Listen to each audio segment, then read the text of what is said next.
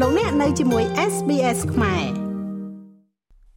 នៅពេលនេះប្រទេសកម្ពុជាបានឈានចូលដល់រដូវមួយទៀតគឺអាកាសធាតុប្រែប្រួលមិនទៀងទាត់ដល់ក្តៅខ្លាំងហើយពេលខ្លះក៏មានភ្លៀងនាំមកនៅបញ្ហាជាច្រើនដល់សុខភាព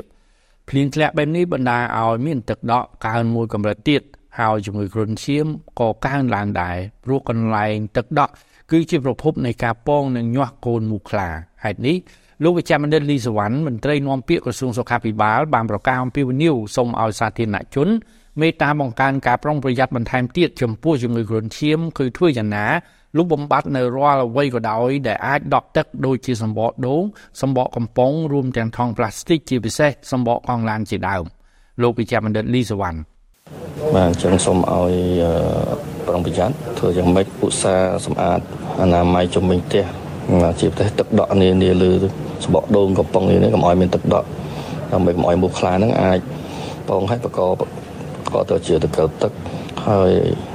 មូសខ្លាអាចចម្លងលឿនបាទពីកុមារម្នាក់ទៅកុមារម្នាក់ហើយក្នុងផ្ទះធ្វើយ៉ាងម៉េចឲ្យមានពលឺគ្រប់គ្រាន់បាទពលឺគ្រប់គ្រាន់ក្នុងការ ឲ្យមានថ្ងៃចេញចូលចឹងទៅហើយកុមារបើនៅកន្លែងល្ងឹតឬមួយក៏បិទនឹងគឺគួរតែពាក់ពាក់ឲ្យចិត្តទៅបាទដើម្បីកុំឲ្យមុខខំ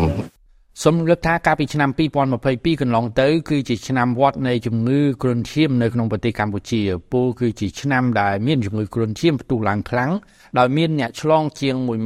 12500ករណី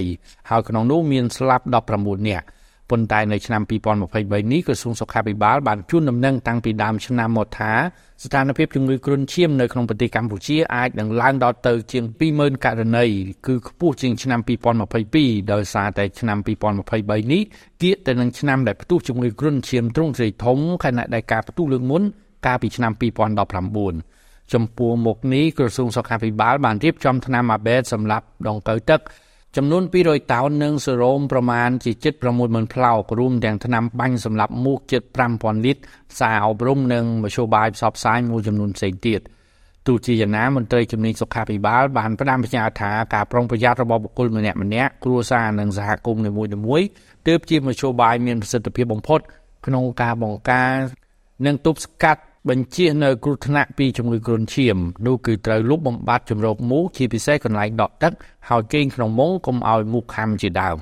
ខ្ញុំម៉េងផល្លា SBS ខ្មែររីកាពីរាជធានីភ្នំពេញចុច like share comment និង follow SBS ខ្មែរនៅលើ Facebook